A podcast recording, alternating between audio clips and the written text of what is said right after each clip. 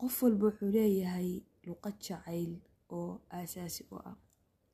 Assalaamu calaykum waraxmatullaahi wabarakaatuhu. Axibatii ku soo dhawaada maandeeq podcast oo inii soo gudbiso anigoo imi in badan waxaa dhacda in dadka isjecel ay isfahmi waayaan. Inay isku fahmi waayaan sida qofba qofka kale jacaylkiisa u soo gudbinayo iyo sida qofba qofka kale jacaylkiisa u qaadanayo ama markaas u liqayo. Maanta xalqadeenna waxaan kaga hadlaynaa qodob arko inuu muhiim yahay in laba qof kasta oo lamaano ah ay bartaan ama raadiyaan ama fahmaan ama fikrad ka haystaan. Fikradda bodkastigan waxaan ka soo qaadanaynaa laba buug mid soomaaliga ku turjuman yahay oo asagoo soomaaligiisa ku turjuman ayuu waxaa ka imaaday inspirationka. Midna waa buugga la yiraahdo languages of love luqadaha jacaylka. Buuggan qoraagiisa runta haddaynay sheego hadda ma xasuusto sababto waxaan akhriyay laba sano ka hor laakiin wuxuu yahay buwaagta ugu muhiimsan ee aan noloshayda akhriyay qof waxaana mar walba isweydiin jirtay qofkan aad xiriirkooda jirtaan muxuu kuu fahmi laayahay muxuu baahidada cadifadeed u fahmi laayahay muxuu taangigaaga jacayl u buuxi laayahay qofka si kasta oo uu dadaalo anu dadaalka ma arko. Hadda ayaan fahmayey buugga marka akhriyay kabacdii in dhibtu ay ka jirtay inaanan aniguna wax cilmiya u lahayn arrintan. Dadkaas kalena aysan wax cilmiya u lahayn. Fa markaan bartay kabacdii dad walbo lamaana waxaan jeclaya inaan buugga kula taliyo sababto waan ogahay isfahan waa inay arrintaa ka jirto. Hadalkayaana ku sii dheeraan. Buugga kale ee soomaaliga aan hadda isku dayay inaan ka soo qaato ereyadiyo turjuman waa buugga mubaarak haadi ee garaasa intaadan guursan. Adigu bal suuray laba qof oo midna afshiina ku hadlayo midna af soomaali ku hadlayo misene midna aanun aqoon midka kale afkiisa oo haddana midna midka kale ku eedeynayo in uu fahmi waayey luqadaha jacaylkuna waa sidaas oo kale.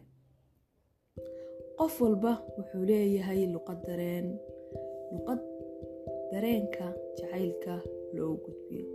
Haddii luqadiisaaiisaas lagula hadlin hababka kale ee aad jacaylka ugu gudbinayso oo dhan ma buuxinayaan taangiga jacaylkiisa.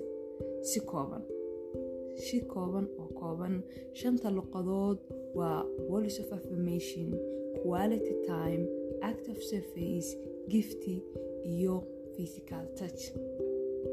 Mida ugu horeysaa soo qaadanaynaa wallis of affirmation. Oraahyo dareen cabiraad leh. Dadka qaar baa luqadooda jacaylku tahay in lagu yiraahdo ereyada ay ka mid yihiin waan ku jeclahay mahadsanid in la dhiirigeliyo iyo in la ammaano dadka luqadooda aasaasiga ay tahay wallis of affirmationka. Mar kasta aad ereyada wanaagsan ku tiraahdid waxay ka dhigan tahay adigoo taangigooda buuxinaya. Waxayna dareemayaan in la jecel yahay. Taangiga jacaylku waa baahida caadifadeed ee qofka bini-aadanka ah saasaan ku sifayn karnaa. Midda labaad waxay tahay waqti tayaysan quality time. Dadka qaar baa iyagana luqadooda jacaylku tahay in waqti tayo leh lala qaato. Yada lehi waa in aad siisid attentionkaaga ama soo jeedkaaga oo dhan macnaheedu waxa weeyaan inaad telefoonkaa iska damiso waxyaabaha kaleo ku sii jeedinaya aad meel ka dhigto sida inaad tvgo kale ku mashquulsan tahay waxaasoo dhan waa inaad siisid attentionkaaga oo dhan. Waqtiga tayada leh wuxuu noqon karaa mid aad adiga saygaaga ama aafadaada isla sheekaysanaysaan ama hawl wada qabanaysaan. Sidoo kale wuxuu noqon karaa mid aad meel isla aadaan oo aad xasuus wadare soo samaysaan qofka luqadiisa tahay siinta waqtiga tayada leh. Mararka qaarkood afarta luqadood oo kale haddaad kula hadlaysid waxa uga qaalisan. Saacad aad siiso waqti tayale saacad aad siiso dareenkaaga oo dhan. La fadhiisatid wareysatid su'aalo weydiisid dhegaysatid la baxdid wuxuu jecelyaa la soo qabatid. Ayaa kaga qaalisan inaad hadiyad u keentid ama maanta dhan wax kale la qabatid muhiimadda waxay tahay dareensii inuu qofkaasi agtaada qiimo ka leeyahay. Qiimahaasna wuxuu ku arki karaa waqtiga aad siinaysid. Adoo soo wada jeeda maskaxdaada soo jeedo maankaaga soo jeedo mudkaagu degan yahay. Luqadda saddexaad ee dadka qaarkood taangigooda jacaylka buuxiya waxa weeyaan hadiyadda. Hadiyaddu qasab maaha in ay ahaato mid qaali ah ama mid aada u ballaaran dadka luqadooda aasaasiga tahay hadiyadda. Marka wax loo hadiyadeeyo haba yaraada hadday doonto. Waxay dareemayaan in la jecel yahay. Hadiyadda waxay noqon kartaa haddaa fikrada ku siiyo ku xadaya weliba haddaa wiil tahay. Inaa ubaxu soo qaadid. Inaa ice cream markaa shaqada ka soo socoto soo qaadid. Inaa la hadshoo tiraadid maxaa jeclaa inaa kuu soo qaado inaad wax yar oo as dhigi kartid ayadu way u baahan tahay inaad maaragtay u soo gadid inaad u soo gadid cadar yar tiraadid cadarkan si khaas adiga laguu sameeyey xitaa taa si khaas loo sameyn waa qayb ka mida dhiirigelinta in aad qofkaas fahantid baahidiisa. Waa muhiim. Weliba baahidiisa waxyaabaha kadiska ka imaada. Baahidu way tiro badnaan kartaa laakiin hadiyad qurux badan inaad soo xirtid inaad uga dhigtid joogtayn hadiyadda qasameyna wax wey noqoto dadku waxay is dhahaan markay hadiyad la xiro weyna noqoto shay weyn shay qaali ah. Garashadaa garanaysid keliya inaa hadiyad soo gatay. Qofkaas qiimo la leeda laakiin hadiyad baaba raqiisaa soo gada markaa kule hadiyad soo gada aan qiimo. Hadiyad qurux badan laakiin baaba raqiis ahayn waxyaaba meelaha loola firiisto aad u raqiiskaa soo gadan kana kuwaas qiimo malaan runta ku sheegno laakiin wax yaroo is dhihi kartid qiimuu leeyahay wax badanna kuma takalfeenayo haddii aali kartid inaad wax badan soo gadin maxaa lagu diidayaa fikrad ka sii wanaagsan. Laakiin halka waxaa isku dayaynaa inaan ku fahansiino in taklifada badan aysan mar walba muhiim ahayn ee garashadaad garanaysid ay qiimo ka weyn leedahay taas. Luqadda afraad ee jacaylka waxa weeyaan u adeegidda ama khidmaynta qofkaaga. Waxaa ku noqonaysa active serviceka dadka qaar baa iyaguna luqadooda aasaasiga ahi ee dareenka jacaylka loo mariyo ay tahay in wax lala qabto ama wax u qabato. Waxaa laga yaabaa in ninku xaaskiisa hadiyada u keeno waqti tayale la qaadanayo ama uu intaaba ereyo ammaan leh ku odhanayo haddana ayna intaa cabbeynayn ama buuxinayn baahideeda caatifadeed laakiin marka aad qashinka aroortii ka qaado subaxii weliba qaasanta dadka dibadda jooga bannaanka u sii geyso ama weelka la maydho dareemay inaad jeceshahay. Yani maalan oo kale ka soo qaad. Maalan gabar haweenaad tahay. Gabar haweenaad tahay maasha allah saas kuga aadinayo gabar waxaa tahay marwaa la qabo qofka lamaanahaaga ah waa qof jecel in wax loo qabto maaha. La qabashadaas horta waxaa hoos imaada in xoogaa la moodo in qofku ku qasbaya sidii gabadh inay mar walba ku qasban tahay inay qofkan wax walba u qabato. Rag waxaa jira fikradda aaminsana gabadhu waa adiga wax walba kuu qabato waa guriga kuu kala hagaajiso waa cuntada kuu kariso. Waxaan fiiri yani diiniyan xitaa sababto ah waxa soo hosgelayaan oo active serviceka diiniyan waajibkumaa gabadhan waa waa ixsaan iyo garasho iyo xaq yani xaq xitaa lama dhihi karo waa mas'uuliyadda ayad isa saartay. Fa qayb waxaa jirta ragga u brograamsan markaas in u maleeyaan waxaanay gabadha waajib ku tahay. Hadduu odayga uu noocaas yahay ruaantii waa dhib kale sababto adiga waxay ku noqonaysaa wax ciriiriyo kale asagana waxay ku noqonaysaa waxa adigu ku qasban tahay. Laakiin waxaa jira dad maaragtay aan u arkin taas waajib weyn oo gabadha saaran fahmi kara fiiri. Qofku marka adiga wax u qabatid inuu qiimo u leeyahay qabashada waxaanaad u qabatay. Fa ka soo qaad tusaalankoodii gurigu imaaday. Markuu arko adoo si xaraalada ku soo dhaweynayaa cuntadii uu jeclaa u qabanayaa meel fiican u sii saarayaa qaadada u jeclaa inuu ku cuno ku cunayaa saxanka u jeclaa inuu ku cuno ku cunayaa adigu u diyaarisay ama maalan oo kale ka soo qaad. Guriga meesha spaceka uu ku shaqeeyo way isku dhex yaacsan tahay isku dhex yaacsanin wasakheed ma ahan laakiin ma kala habaysna asagaa ku shaqeeya asagaa waxyaaba badan yani inuu isku dhex qalimaantii meel ka tuuray waraaqadihii meel ka tuuray waraaqadihii aysan u maanaj garaysnayn inay matqan wax kasta kala daasan yihiin. Inaa inta u soo gashid waraaqadihii isku xijisisi maaragtay habaysan qalimaantii intii kala isla meel isku xijisisi meesha organizer uga dhigtid u kala hagaajisid. Waa nooc ka a active surfaceka qofkan howlba u qabatay. Hawsha u qabatay wuxuu ku dareemayaa in aa markaas adigu qiimeynaysid baahidiisa inaad qiimeynaysid inaad wax la qabanaysid. Waxyaaba badan baa soo geli kara oo qofku u baahan yahay adiguna aad garanaysid oo kabacdi aad u khidmeynaysid maalan kalaga soo qaad gabadhaada way xanuunsatay xaaskaagii markay xanuunsatay maanta sariirta kama kici kartaba waan waa nooc min al romansiyada ka mid ah oo filmaanta hollywoodku maskaxdeena ku ku dhex qoreen laa ka soo qaadba taasaa soo qaadanayna inaad sariirta cuntada ugu soo diyaarsid ama tiraahdid iska seexo maanta quraacda bannaanka inooga dalbayaan biyo kululu soo diyaarisid cagaha u gelisid madaxa u masaji garaysid dhar hadday yaaleen wasakhaa ka dhaqdid caawisid. Waxaan isku dayaa intii awoodeyda inaan fariintayna soo gaarsiiyo. Inaad fahanteen haddaa u soo galno luqadda shanaad oo dadku yani dadka qayb ay jecel yihiin in loogu soo gudbiyo jacaylka waa taabashada jidheed ugu dambeyntii luqadda shanaad ee dadka qaar dareenka jacaylka loo gudbiyo waxa weeyaan taabasho. Taabashadu way noocyo badan tahay. Oo tankogasha un ma ahan.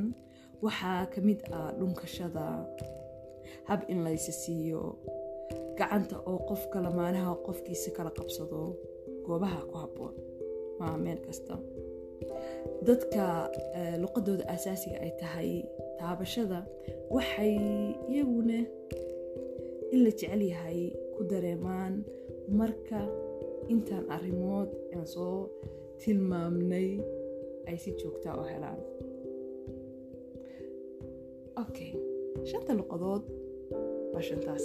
Laakiin adigu sidee ku ogaan kartaa luqadda aad jeceshahay in wax lagugu soo gudbiyo ama lamaanahagu siduu jecel yahay in aad adigu wax ugu soo gudbisid. Adaantaa ku diraya raadi. Waxaad ka raadin kartaa websiteka la yiraahdo five language of love. Meeshaasaad maaragta imtixaan ku soo samayn kartaa. Wax isku daya inay nagaga tago qeybta descriptionka. Fa haddaan gadaal soo noqdo in yar qeybta taabashada. Dadku waxaan dareema ani ahaan ani ahaan inay tahay sifadan sifa anaga naga maqan. Sababtoo ah taabashadu waxaa ka dhiganta unku doonaya ma didoondoonaysa ha meesha laysku doondooni jira isla aadayna.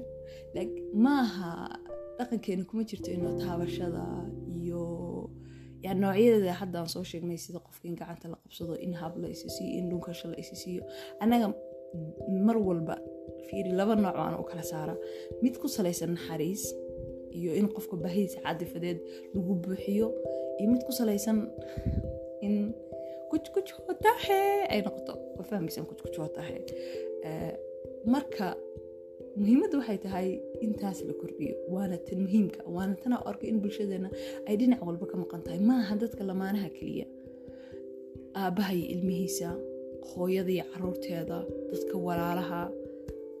Waxba inii sheegaya kaa imagine ku walaalaha guriga la jooga yani inaysan dhunkan anayna aniga dhunkan hooyaday yani hooyada hooyaday waalidka waalid mar walba automatically waad aadaysaa ayaga waxaad u aragtaa xanaan meesha naxariis ku timaado. Laakiin hooyada marka yarta ilmeeda way dhunkataa way soo dhawaysataa. Dhammaantan waxaa arkaanu markaan arrintaa raadiya ka bacday in nagu jirto fear of rejectionka. Yacni qofkan dhunkashadaada inaan ka yar cabsanayno inaan wax dhunkano inay nala tahay like maaragtay emotionka uma samayn karo sidaas oo kale.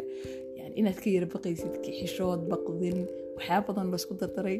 Fa ma ku dhiirano laakiin ahaan waxa ii tahay muhiim sababta mataqaana maaha kaliya in ku jogjoogtaha ay buuxiso.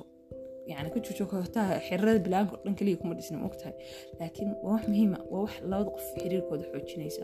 Waa wax isdareensiinaysa wehelka naxariista yani ana haddaa hooyo noqdo insha allah ilahay awlaad siiyo ilmahayga maalin walba habeen walba saacad walba taangigooda dhunkashada waa buuxi lahaa sababtoo ah yani waa taqaarub caatifadeed taqaarub ruuxeed qofka wax dareemisa inuu ku dhow yahay in xiriirkiinu qiimo leeyahay in connection fiican inaga dhexeeyo halkaasoo qadaa gurigooda nooshi waa wada ku wada noolnahe uusan jirin xiriirkaas mabase jiree waa wax adag wallahi run ahaantii boytigaasaa rabay inaan caddeeyo bodkastigana maantan intaana ku soo gabagabeyneynaa hadduu ilaha yidhaahdo xalqadan xalqada soo socota waxay u badnaan doontaa inuu noqon doono buug maxaa la dhihi jiray gorfaynta buugta buug aas dhihi karo hadda xaalad aan ku jirno buu sifeynayaa fa insha allah waxaa rajeyn doona inuuna cajabin doono hadduu ilaha yidhaahdo